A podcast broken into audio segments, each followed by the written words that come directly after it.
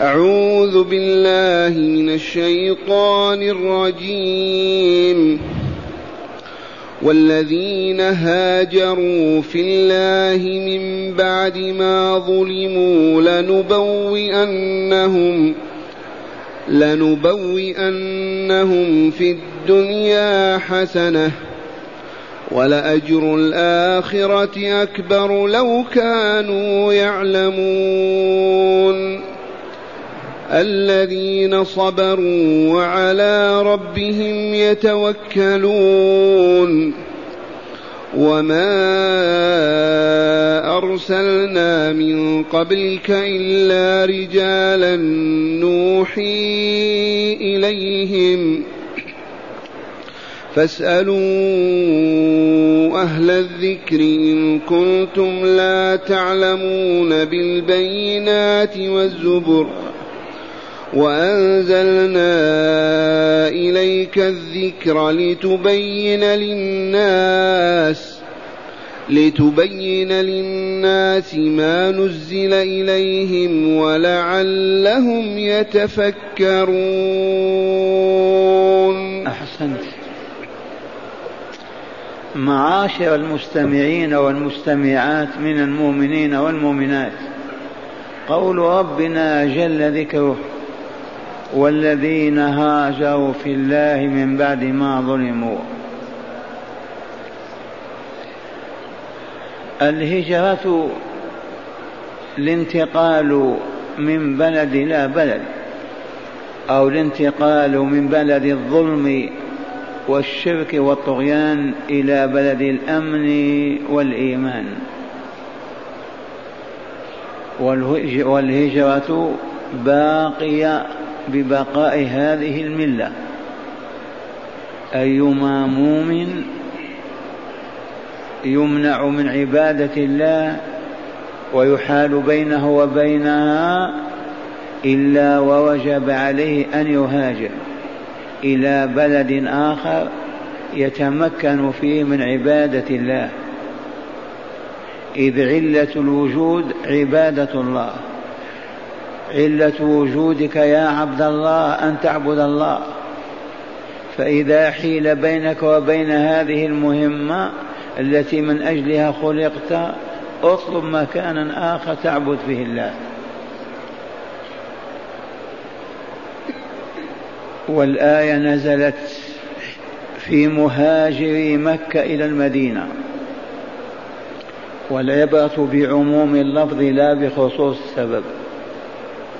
الهجرة يكفي في بيان فضلها قول ربنا عز وجل ومن يهاجر في سبيل الله يجد في الأرض مراغما كثيرا وسعا. ومن يخرج من بيته مهاجرا إلى الله ورسوله ثم يدركه الموت فقد وقع أجره على الله وكان الله غفورا رحيما. ومما ينبغي أن نعلمه أن الهجرة وهي الانتقال من مكان إلى آخر من أجل أن نعبد الله عز وجل فهي عامة في كل الأزمان وكل الأحوال.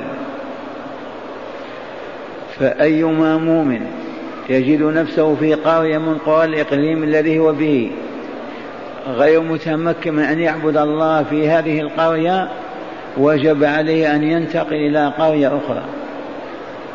من مدينة إلى مدينة من إقليم إلى إقليم من جبل إلى آخر. سر الهجرة هي أن نعبد الله تعالى. إذ هذا علة وجودنا. لما وجدنا؟ لما وجدنا؟ لما أوجدنا الله؟ أوجدنا من أجل أن نذكره ونشكره. بالعبادات التي تعبدنا بها. فإذا تعطلت هذه العبادة تعطلت الحياة كلها. ومن هنا وجبت الهجرة. ومن مكة إلى المدينة كان يضطهد بلال صهيب عمار. كم وكم فما استطاعوا أن يعبدوا الله يمنعونهم من الصلاة. فأذن لهم رسول الله صلى الله عليه وسلم في الهجرة إلى بلاد الحبشة بلاد النصارى المسيحيين. ولكن فيهم ملك ملك عبد صالح رحب بهم وأهل ووسع لهم المسكن وعبدوا الله في تلك الديار حتى عادوا إلى مكة أو نزحوا إلى المدينة. فيخبر تعالى فيقول والذين هاجروا في الله لا لأجل دنيا لا لأجل مال لا لأجل منصب لا لأجل شرف لا لأجل مركز لا في سبيل الله أي من أجل أن يعبدوا الله وينصروا دعوته بين عباده. في الله أي في أن يعبد الله ويدعى إلى عبادته بين الناس. والذين هاجروا في, في الله من بعد ما ظلموا. ظلموهم. لو رأيتم لو رأيتم ياسر والد عمار وهم يعذبونه. سمية وهم يعذبون عمار. حتى قال الرسول أعطيهم يا عمار.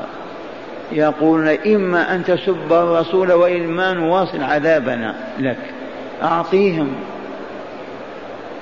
هؤلاء أذن الله لهم في الهجرة وأمرهم بها وهاجروا في سبيل الله. فأخبر تعالى بهذا الخبر العزيز الغالي قال لنبوئنهم لننزلنهم منزلا حسنا يسعدون فيه ويكملون ويعبدون الله تعالى. بوأه الدار أنزله فيها. وهنا لطيفة ما سمعناها ولا قرأناها وهي مما فتح الله. وهي أن المدينة تسمى الحسنة. من الليلة. اسمها طابة طيبة المسكينة أسماء لكن حسنة ما أطلق عليها والآية صريحة في ذلك. لنبوئنهم في الدنيا حسنة ألا وهي المدينة النبوية. وهذا تقرير ابن جرير في تفسيره. إذا من أسماء المدينة الحسن. والله لحسن. غضبتم أو رضيتم. حسنا لنبوئنهم لننزلنهم. ماذا؟ حسنا إذا هي المدينة. فكانوا من مكة إلى المدينة. ولا سيما لما نزل بها رسول الله صلى الله عليه وسلم واتعت واشتعلت أنوارها وازدادت كمالاتها. إلى اليوم المدينة حسنة. خذوا هذه. ولهذا أضفناها في في الهدايات. المدينة هي الحسنة. كرر هذا ابن جرير وقرره أنها المدينة النبوية. لنبوئنهم في الدنيا حسنة ولا أجر الآخرة أكبر ما أكبر إن كانوا يعلمون. ولا أجر الآخرة أكبر لو كانوا يعلمون. أيما مهاجر يهاجر في الله في سبيل الله من أجل أن يعبد الله فقط إلا ويبوئ الله مكانا حسنا. وأما أجر الآخرة لا تسأل. أجر عظيم. المهاجرون. فالله تعالى نسأل أن يسجل اسمنا مع أسمائهم المهاجرون وكل من هاجر معصية لله ولرسوله فهو مهاجر. وقد قلت لكم تنتقل من غرفة إلى أخرى في سبيل الله تنتقل من عمل إلى عمل في سبيل الله. أليست هي الهجرة؟ هجرة. والذين هاجروا في الله من بعد ما ظلموا لنبوئنهم في الدنيا حسنة ولأجر الآخرة أكبر لو كانوا يعلمون. ومعنى هذا لا تتردد يا عبد الله لا تخف سوى الله هاجر إذا ما تمكنت من أن تعبد ربك. وعدك الله بأن يعوضك شيئا حسنا في هجرتك في الدنيا أما أجل الآخرة لا تسأل. أكبر بكثير لو كانوا يعلمون. ثم قال تعالى الذين صبروا وعلى ربهم يتوكلون. هؤلاء هم المهاجرون الصادقون. صبروا على البلاء. وفوضوا أمرهم إلى الله وتوكلوا عليه وتركوا أموالهم ونساءهم وأطفالهم وما كان عندهم. الهجرة ليست هينة تخرج من بلد فيه مالك وأولادك وأهلك فتذهب إلى مكان لا تعرف فيه أحدا. كما يهاجر بعض إخواننا إلى أوروبا الآن يضايقون في ديارهم فيهجرونها. فلهذا الذين صبروا على البلاء وتوكلوا على ربهم هؤلاء هم خيار الناس. ورد عن السلف قالوا خيار المؤمنين الذين إذا أصابهم أمر صبروا وإذا عجزوا توكلوا. أخذا من هذه الكلمة الإلهية الذين صبروا وعلى ربهم يتوكلون. الصبر هو التحمل الأمر الذي لا يطاق. تصبر له وتتحمله ويتسع لك صدره ولا تسخط على الله ولا تجزع وتتوكل على الله وتفوض أمرك إليه وتفعل ما طلب منك وأمرك به من هجرة وغيرها. خيار الناس خيار المؤمنين الذين إذا أصابهم أمر صبروا ما جزعوا وإذا عجزوا توكلوا على الله وفوضوا الأمر إليه. أخذا من قوله تعالى في وصفهم الذين صبروا وعلى ربهم لا على سواه يتوكلون. والمشركون في مكة كما كانوا مع الأنبياء والرسل السالفين يضحكون ويقولون كيف يرسل الله رسولا من الناس؟ لما ما يرسل ملك. وألحوا في هذا وطالبوا به يتحدون رسول الله صلى الله عليه وسلم. كيف يرسل الله بشرا وما يرسل الملائكة في الأرض؟ وهذه الفذلكة قالها المشركون مع مع صالح عليه السلام. ما أنت إلا بشر مثلنا وإن نظنك لمن الكاذبين. كيف يرسل الله بشرا لما ما يرسل ملك من الملائكة. ويطالبون بهذا. من أجل الهروب من أن يعبدوا الله وحده وقد آلفوا عبادة الأصنام والأحجار. من أجل أن لا يستقيموا على منهج الحق يحلون ما أحل الله ويحرم ما حرم الله يفزعون إلى المكر والخداع والكذب والتشنيع. كيف يبعث الله بشر لما ما يبعث ملك؟ فقال تعالى ردا عليهم وما أرسلنا من قبلك إلا رجالا نوحي إليهم. فاسألوا أهل الذكر إن كنتم لا تعلمون. اتصلوا بعلماء اليهود بعلماء النصارى واسألوهم هل أرسل الله يوم من الأيام ملك يدعو الناس إلى الله؟ أو أرسل رسلا موسى وهارون وعيسى والأنبياء؟ فاسألوا أهل الذكر إن كنتم لا تعلمون. وما أرسلنا من قبلك يا رسولنا من هو هذا؟ هذا محمد رسول الله صلى الله عليه وسلم. وما ارسلنا من قبلك إلا رجالا. لا ملائكة ابدا ولا نساء.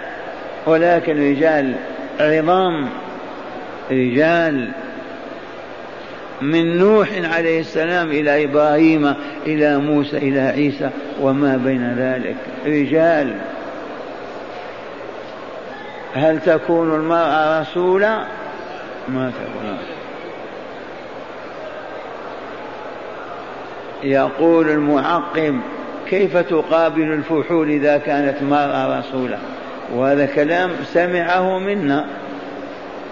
هذا الصياد القاموس. نعم كيف تقابل الرجال وهي مرأة تدعوهم؟ لا يصح هذا أبدا. والحبيب صلى الله عليه وسلم يقول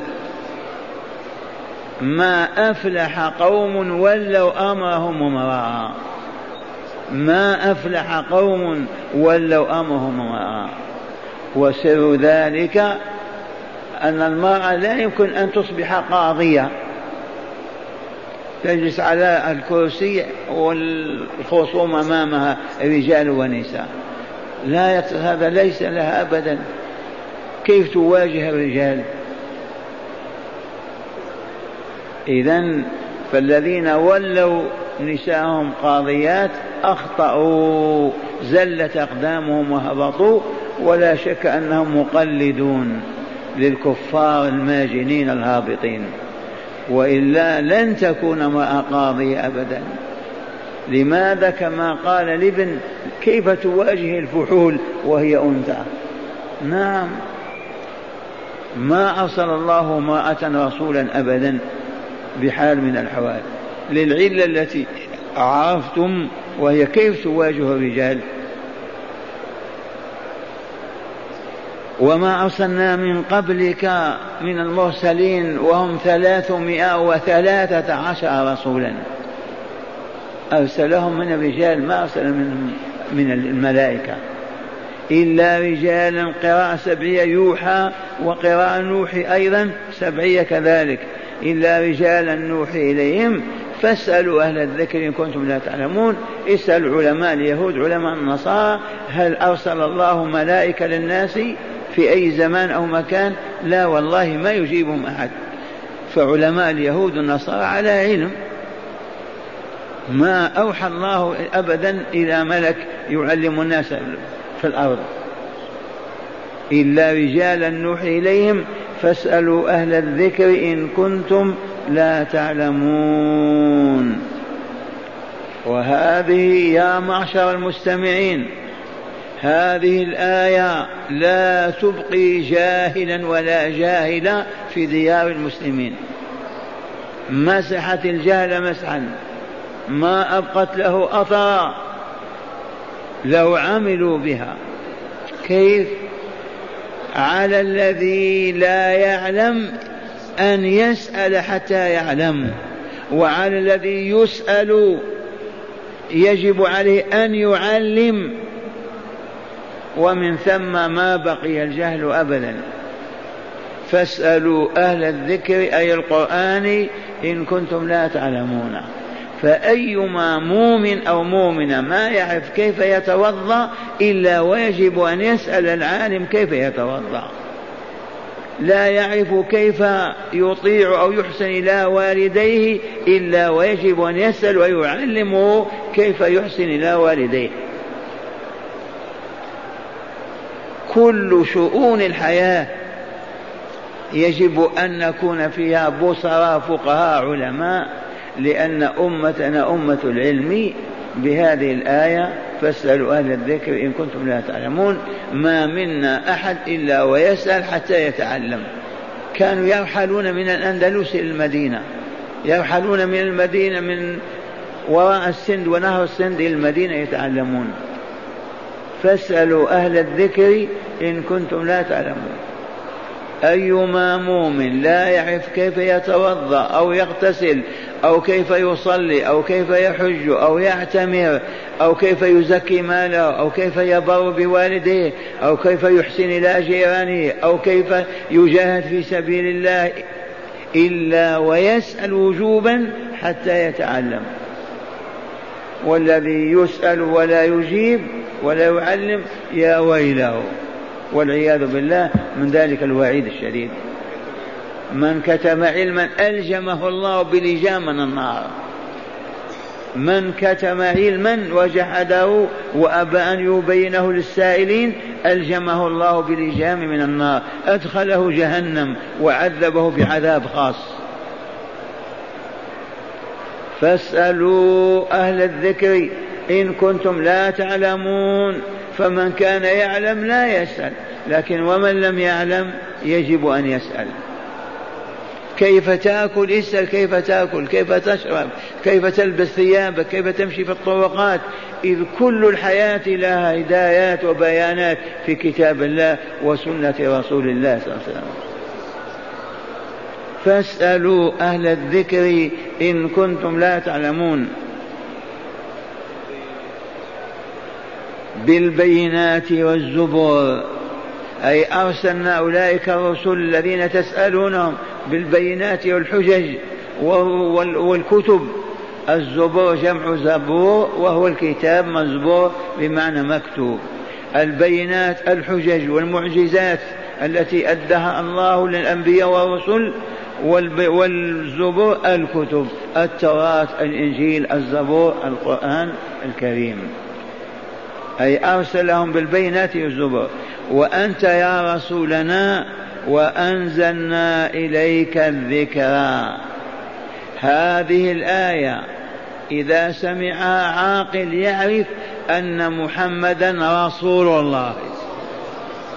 تقرر نبوة محمد صلى الله عليه وسلم.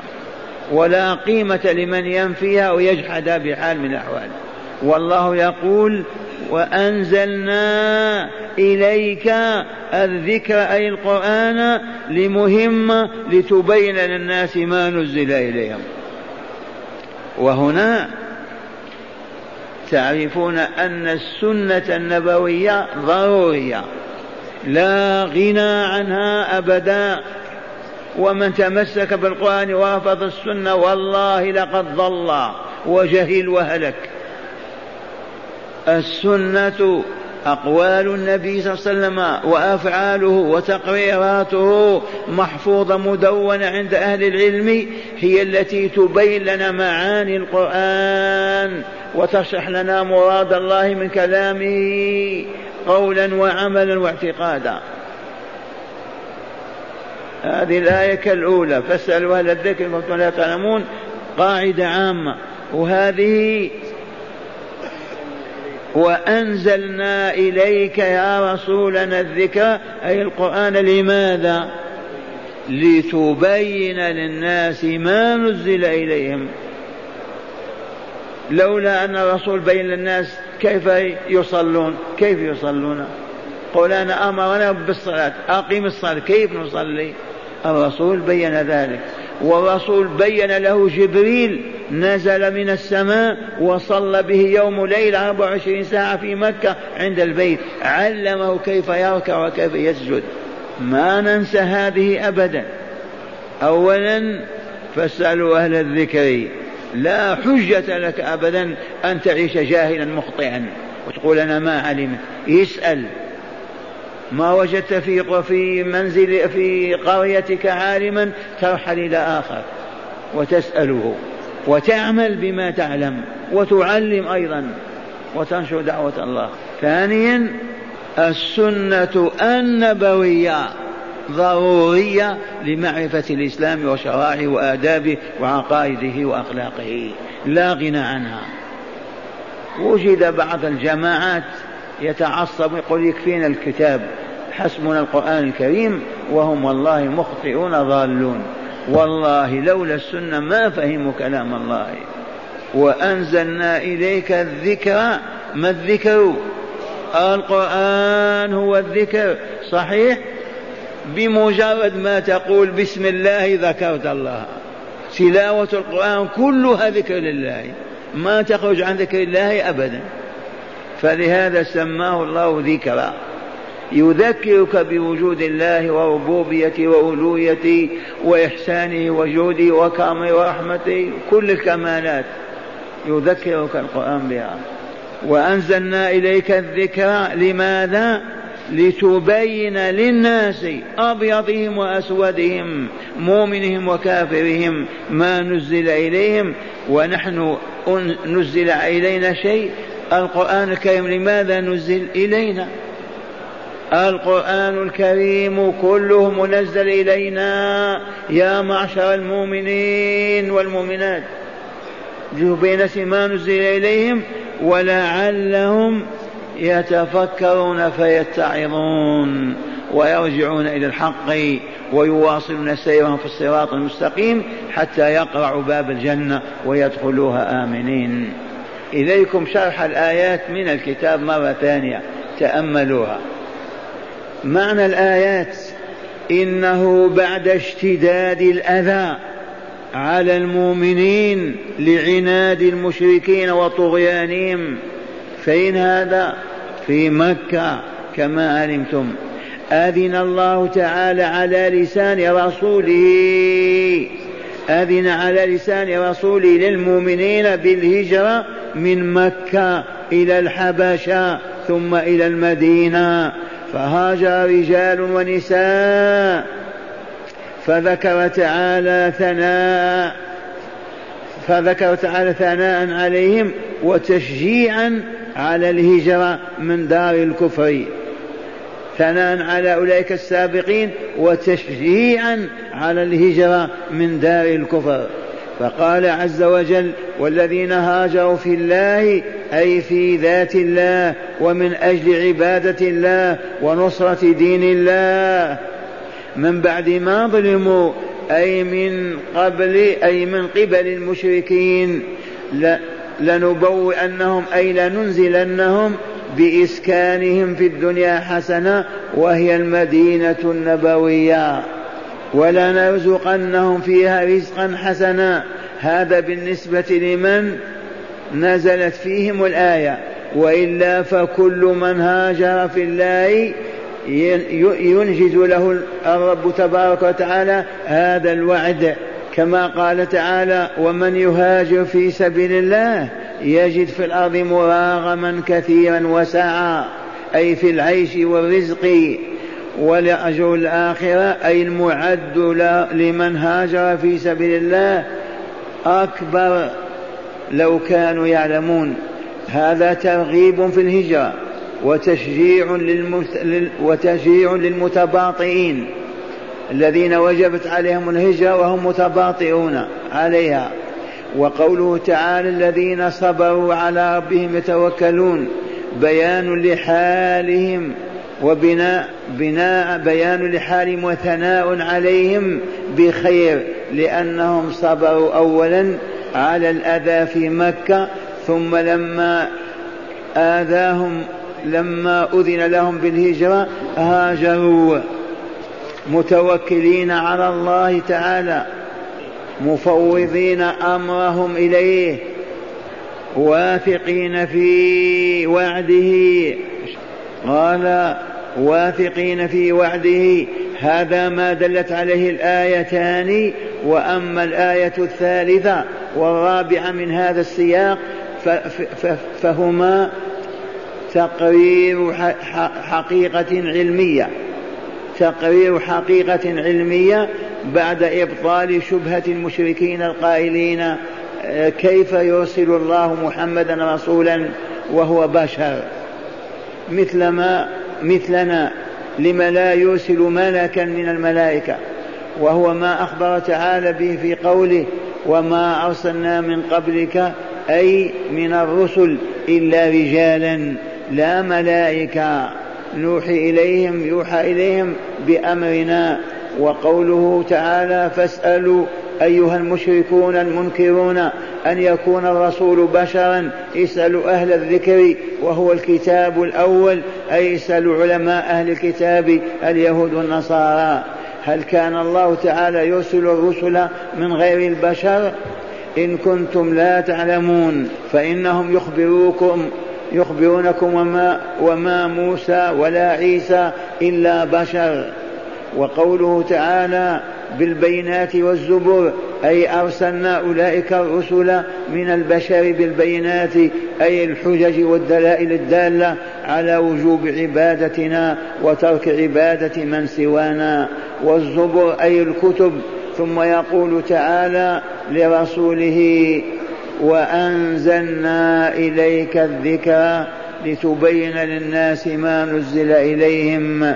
وهي هذه وفي هذا تقرير لنبوته وقوله ولعلهم يتفكرون أي فيعرفون صدق ما جئتهم به فيؤمنوا ويوحدوا فيؤمنوا ويتوبوا إلى ربهم فيصبحوا فيك فيكملون ويسعدوا.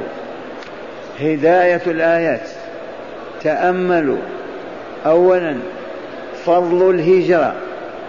ووجوبها عند اضطهاد المؤمنين أو عند اضطهاد المؤمن وعدم تمكنه من عبادة الله عز وجل.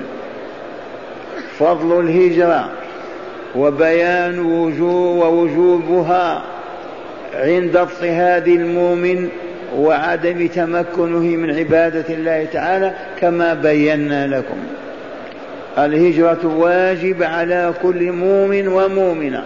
يقدر عليها إذا هو اضطهد أو عذب ولم يمكن من عبادة الله تعالى. ثانيا تسمية المدينة حسنة. المدينة من أسمائها الحسنة لهذه الآية الكريمة. ثالثا وجوب سؤال أهل العلم على كل من لا يعلم أمور دينه من عقيدة وعبادة وحكم. من أين أخذنا هذا؟ فاسألوا أهل الذكر إن كنتم لا تعلمون. مرة ثانية وجوب سؤال أهل العلم على كل من لا يعلم أمور دينه من عقيدة وعبادة وحكم. ما وجدهم في بلاده يرحل إلى بلاد أخرى. رابعا السنة السنة النبوية لا غنى عنها. لأنها المبينة لمجمل القرآن والموضحة لمعانيه كما علمتم. لا غنى عن للمسلمين عن سنة رسول الله صلى الله عليه وسلم بل لا بد من دراسة السنة وتعلمها.